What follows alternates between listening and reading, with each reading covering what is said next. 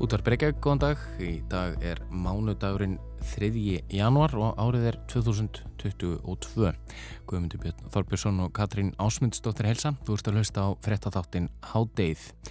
Nýju ári, nýjum tímamótum fylgir gerðnan alls konar nýtt, alls konar breytingar. Áramóta heit eru strengt markmið, sett, vonir og væntingar gerðar. En áramótum fylgja líka samfélagslegar breytingar, ný lög, lagabreitingar, verðhækkanir, útsvarsbreytingar, launahækkanir og jafnvel kjærasamningar. Við rennum yfir helstu breytingar á nýja ári í síðari hluta þáttarins.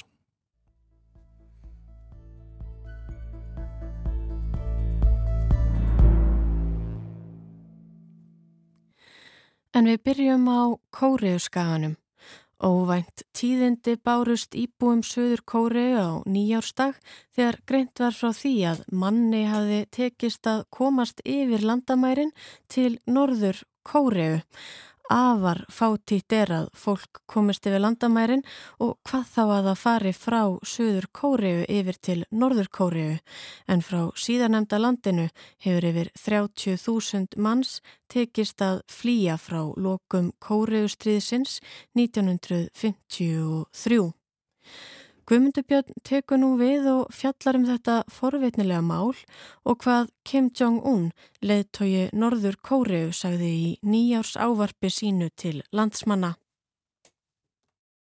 1월 1일 야간에 동부전선 DMZ를 통해 미상인원 1명이 월북한 상황이 있었으며 Þetta er Kim Jún-rak, hátt settur embatismadur í Kóriu. Í sjómarps ávarpi gær greindan frá því að óþektur aðili hefði farið yfir landamærin til Norður Kóriu yfir DMZ-svæðið svo kallaða aðfara nótt 1. janúar. Ekki er vitað hver maðurinn er og hvort hans í lífsæða liðin bætti Kim við. DMZ-svæðið svo kallaða sem Kim Jún-rak nefnir hér hefur stundu verið kallað hlutlausa svæðið. Svæði sem aðskilur Norður og Suður Kóru og skiptir Kóruuskaganum í tvent. Þótt svæðið sem er um 250 km langt og 4 km breytt sé hlutlaust er það herrvætasta svæði veraldars. Hundruð Suður Kóruuska hermana standa vaktina sínum einn og hundruð Norður Kóruuskra hinnum einn. Í gegnum tíðina hafa átök brautist út og frá árinu 1953 til aldamóta hafa minnstakosti 500 suður kóreskir hermenn látist í átökum á sveðinu og yfir 250 norður kóreskir og til viðbótar að minnstakosti 50 bandariskir hermenn sömu leiðis.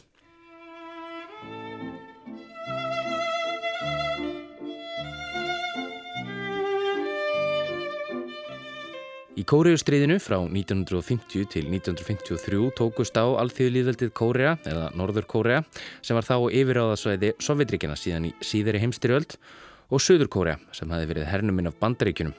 Norður Kóreuminn réðust inn í Suður Kóriu en hinn síðarnemdu nutu aðstóðar saminuðu þjóðan á bandaríkjana.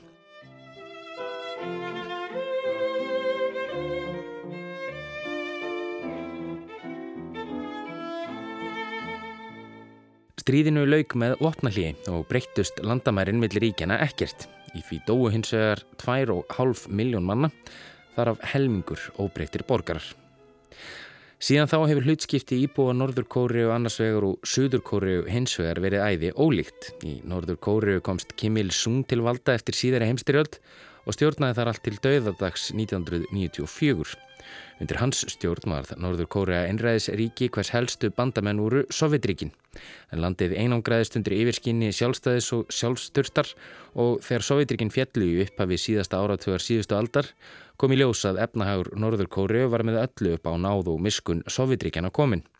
Einangurnar stefna Kim Il-sung leiti landið í sjálfheldu og eftir andlátt hans ríkti hungursneiði landinu og talið er að yfir þrjár miljónir norður kóruumanna hafi dáið úr hungri á tíund áratögnum.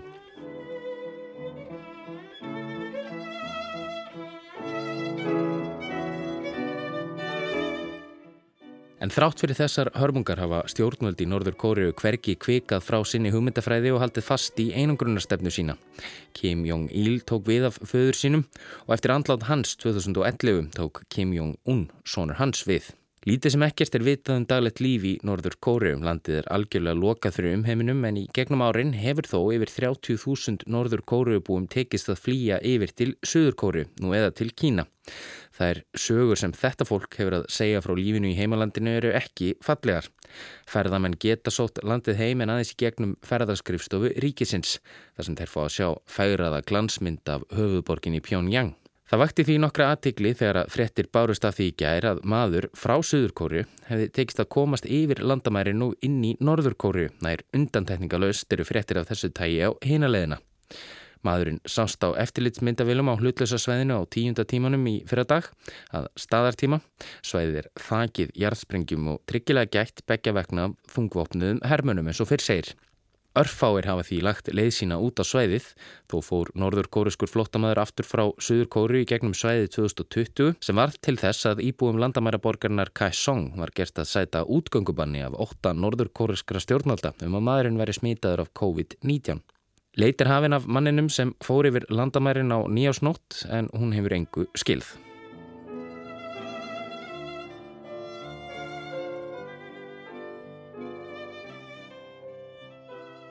Það andar sem fyrr segir köldumilli þessara nágranna ríkja og uppakomur sem þessar eru aldrei til þess fallnar að bæta samskipti ríkjana.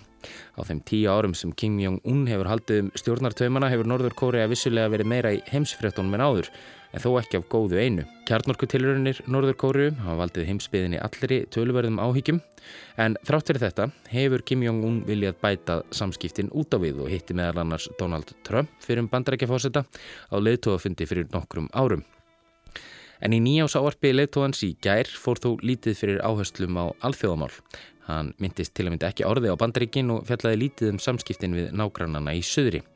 Þessi staðarætti Kim Jong-un er yngöngum erfiða stöðu heima fyrir og talaði um að ríkið standi frammi fyrir barótt upp á líf og dauða.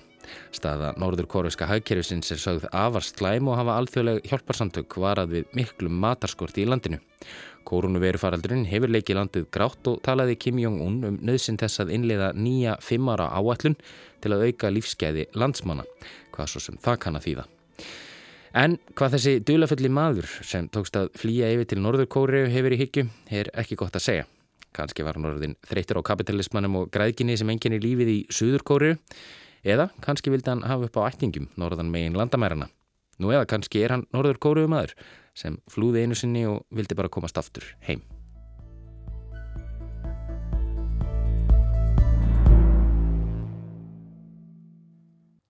Já, við komum aðeins inn á kórunveruna þarna í Norður Kóru, staðan er ekki góð þar en hér á landi á Íslandi eh, greindust 795 með COVID í gær og 84 á landamörunum, samtals 879 smitt, næstum 8000 er í einungrun hér á landi með COVID og rífilega 6000 í sótkví. Einn helmingur þeirra sem greindust innanlands í gær voru ekki sótkví, þetta kemur fram á COVID.is. Nýgengni smitta er nú 2544 og hverja 100.000 íbúa og hefur aldrei verið harra. Þannig að þessi bylgja faraldursins er enni vexti og já, COVID hefur aldrei verið skæðara hér á landi en ennmitt nú en góðu frettinnar eru þó kannski þær að þetta omikron afbreyði virðist, já ekki gera fólk eins vekt og fyrir afbreyði. Þó eru nú 25 á landsbytala vegna COVID en þeim hefur fjölgað jæmt og þétt síðustu tvær vikunar.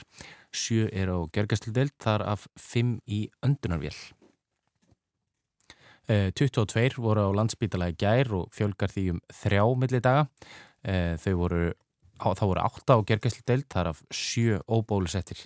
Ekki hefðu svo margir verið á gergæslu frá því ágúst í fyrra. Framkymur og vef spítalans að meðalaldur þeirra sem er á sjúkrahúsi sé 54 ár. Víðir Reynisson, yfirlauglu þjóttn hjá almannavörnum, saði fréttum í gærað staða faraldur sinns ætti að skýrast betur núna á næstu dögum þegar fleiri fari í sínatöku en hlutfall þeirra sem farið hafa í PCR-próf og greinst með veiruna hefur verið mjög hátt síðustu daga. Hann segir grant fylst með þeim sem veikjast alvarlega. En sitt sínist hverjum um ákvarðanir stjórnvalda þessari nýjustu bylgjum, formar félags grunnskólakennara, Þorgerður Löfvei Didriksdóttir, hún gaggrindi menta á barnamálára þeirra í morgunútvarpinu á ráseitt í morgun og taldi byrjenda mistug líkjað baki því að ráð þeirra ætli ekki að fresta skólabyrjun eins og sóttarnarleiknir laði til fyrir jól vegna kórnuverunar og þessara fjöldasmita í samfélaginu. Hún segir grunnskólakennara í erfiðri stöðu því og óvist sé hversu margir mæti til starfa í dag en það er starfstægur í skólum í dag og beðni kennara fyrir lengri lókun í þáun sótvarnæns og sótvarnarleiknir hefur mælt til til þess fallin að reyna að halda skólum sem mest opnum. En háttegið snýr aftur strax að loknum háttegisvettum og þá ætlum við að ræða um ja, verðhækkanir og eitt og annað sem fylgir áramótum. Nýju ári fylgja nýjungar og breytingar, ný lög, lagabreitingar, hækkanir á gjöldum, útsvarsbreytingar og launahækkanir svo dæmi séu nefnt. En því miður breytist þó sumt, seint.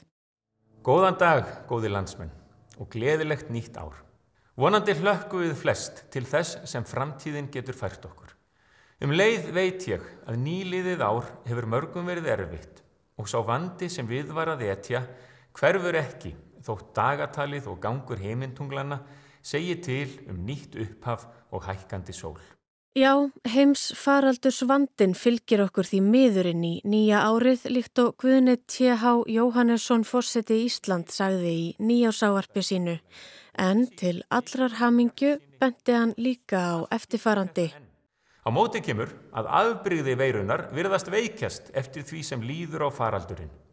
Því leiði ég mér að nefna það sem ég hef áður sagt. Við höfum séða svartara, við munum sjá að bjartara. Og það er kannski gott að hafa þetta í huga á þessum fyrsta mánudegi nýs árs. Sér í lagi þegar yfirvöld hafa þegar vara við því að almenningur eigi einfaldlega að vera við í búin að lenda í sóttkví eða einangrun í þessum fyrsta mánuði ársins, jafnvel í februar líka. Þá megi gera ráð fyrir að hjól atvinnulífsins snúist ekki af fullum krafti að minnstakosti í þessari fyrstu vinnuviku ásins þegar næri 14.000 manns eru frá vegna COVID-19 og kennslu hefur verið aflist í skólum í dag þar sem skipulegja á sóttvarnir.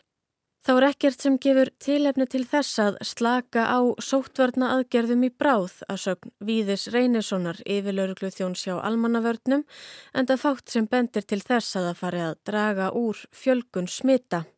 Þó gaf Már Kristjánsson yfirlæknir smitsjúkdóma á landspítala vonum smá ljós í myrkrinu þegar hann spáði því að toppnum, smitt toppnum verði náð nú fljótlega upp úr áramótum.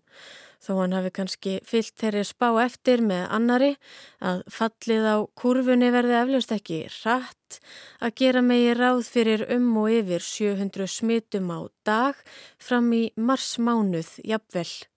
En alltaf má vona og hver veit nema allt verði bara upp á við eftir kannski bratta koronaviru byrjun á árinu 2022 og að viðmælendur frétta annála gefi öðruvísi svar í lok þessa ás en þess síðasta aðspurðir um hvað var eftirminnilegast á árinu. Allt umkring COVID-19.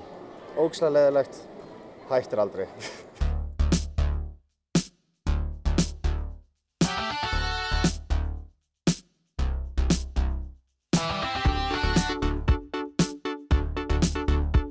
En þó heimsfaraldur sé svo til við að sama á nýri ársbyrjun þá er ímislegt annað sem breytist með nýju ártali.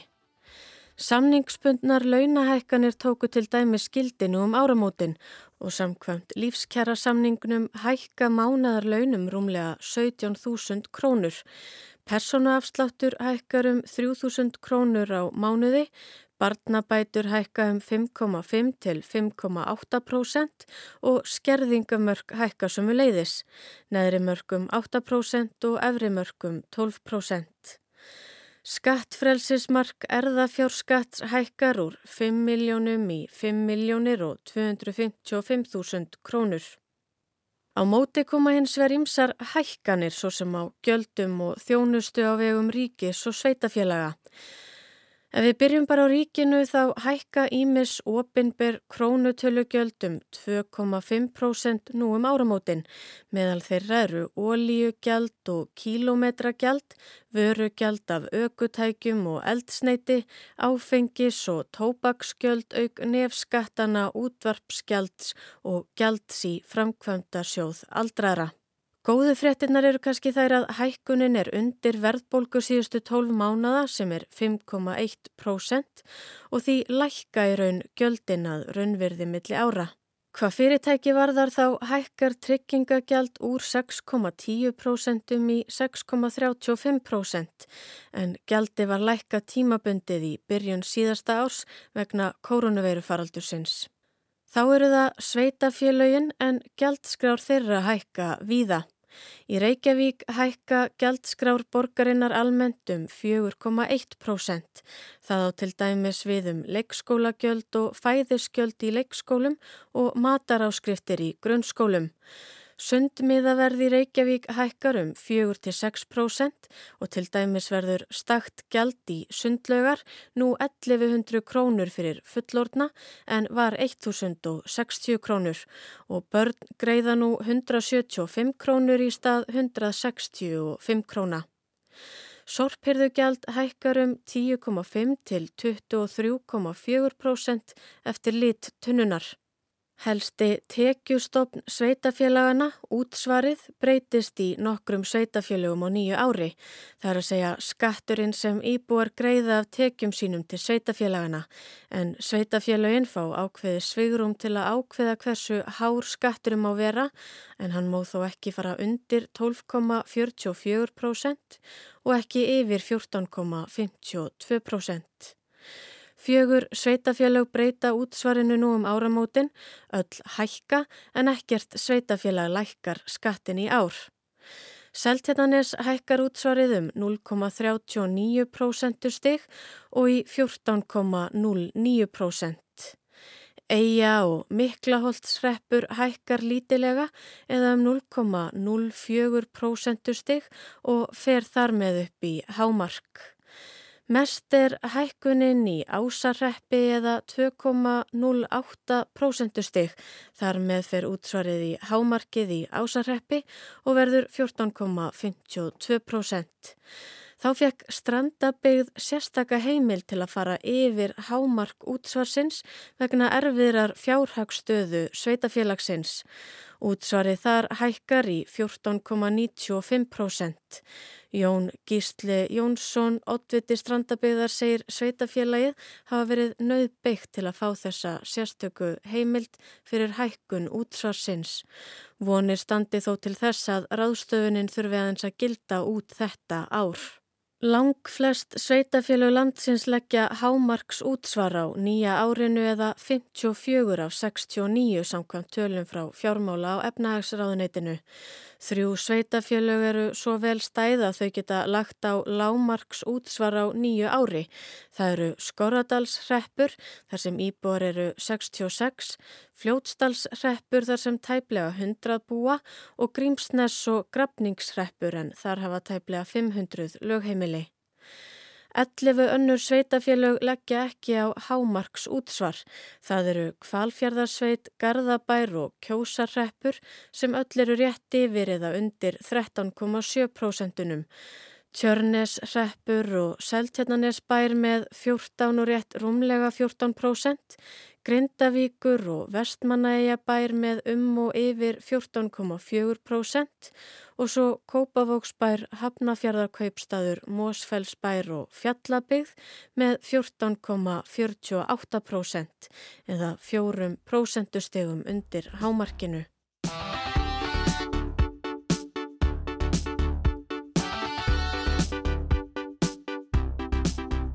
En það er ekki bara gjöld og skattar sem taka breytingum á nýju ári. Það bætast vist einni við einhver ný lög og önnur taka breytingum. Við höfum til dæmis fengið ný kostningalög og það á sveitastjórnakostninga ári. Með nýju lögunum ringar meðal annars réttur Íslendinga sem búa erlendis til að taka þátt í kostningum en réttur þeirra til kostninga helst nú í 16 ár eftir að fluttir úr landi í stað 8. Þá öðluðust nýlögum skipta búsetu barna gildi nú um áramótin. Nú verður skipt búseta barn sjá báðum foreldrum heimil að því gefnu að foreldrar gerir með sér samkómulagum sameinlega forsjá með hagsmunni barnsins að leiðaljósi.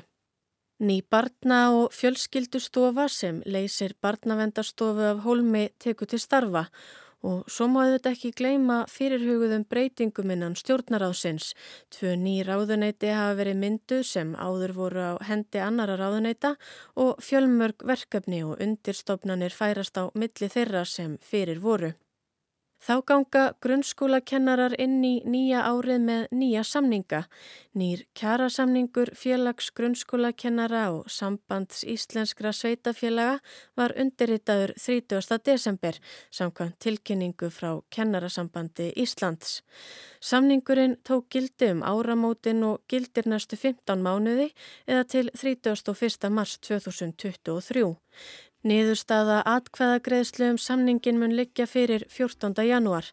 Þetta er í fyrsta sinn sem grunnskólakennarar skrifundir nýjan samning áður en gildandi samningur rennur út.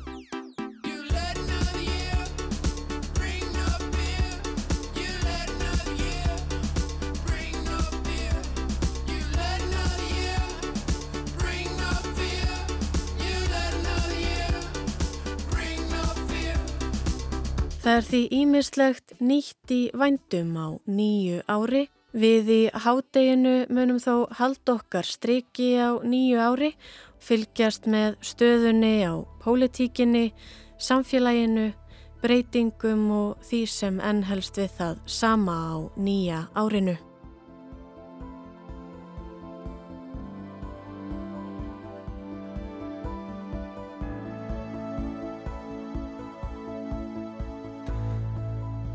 Hátið verður ekki lengra í dag, við verðum hér aftur á sama tíma á morgun.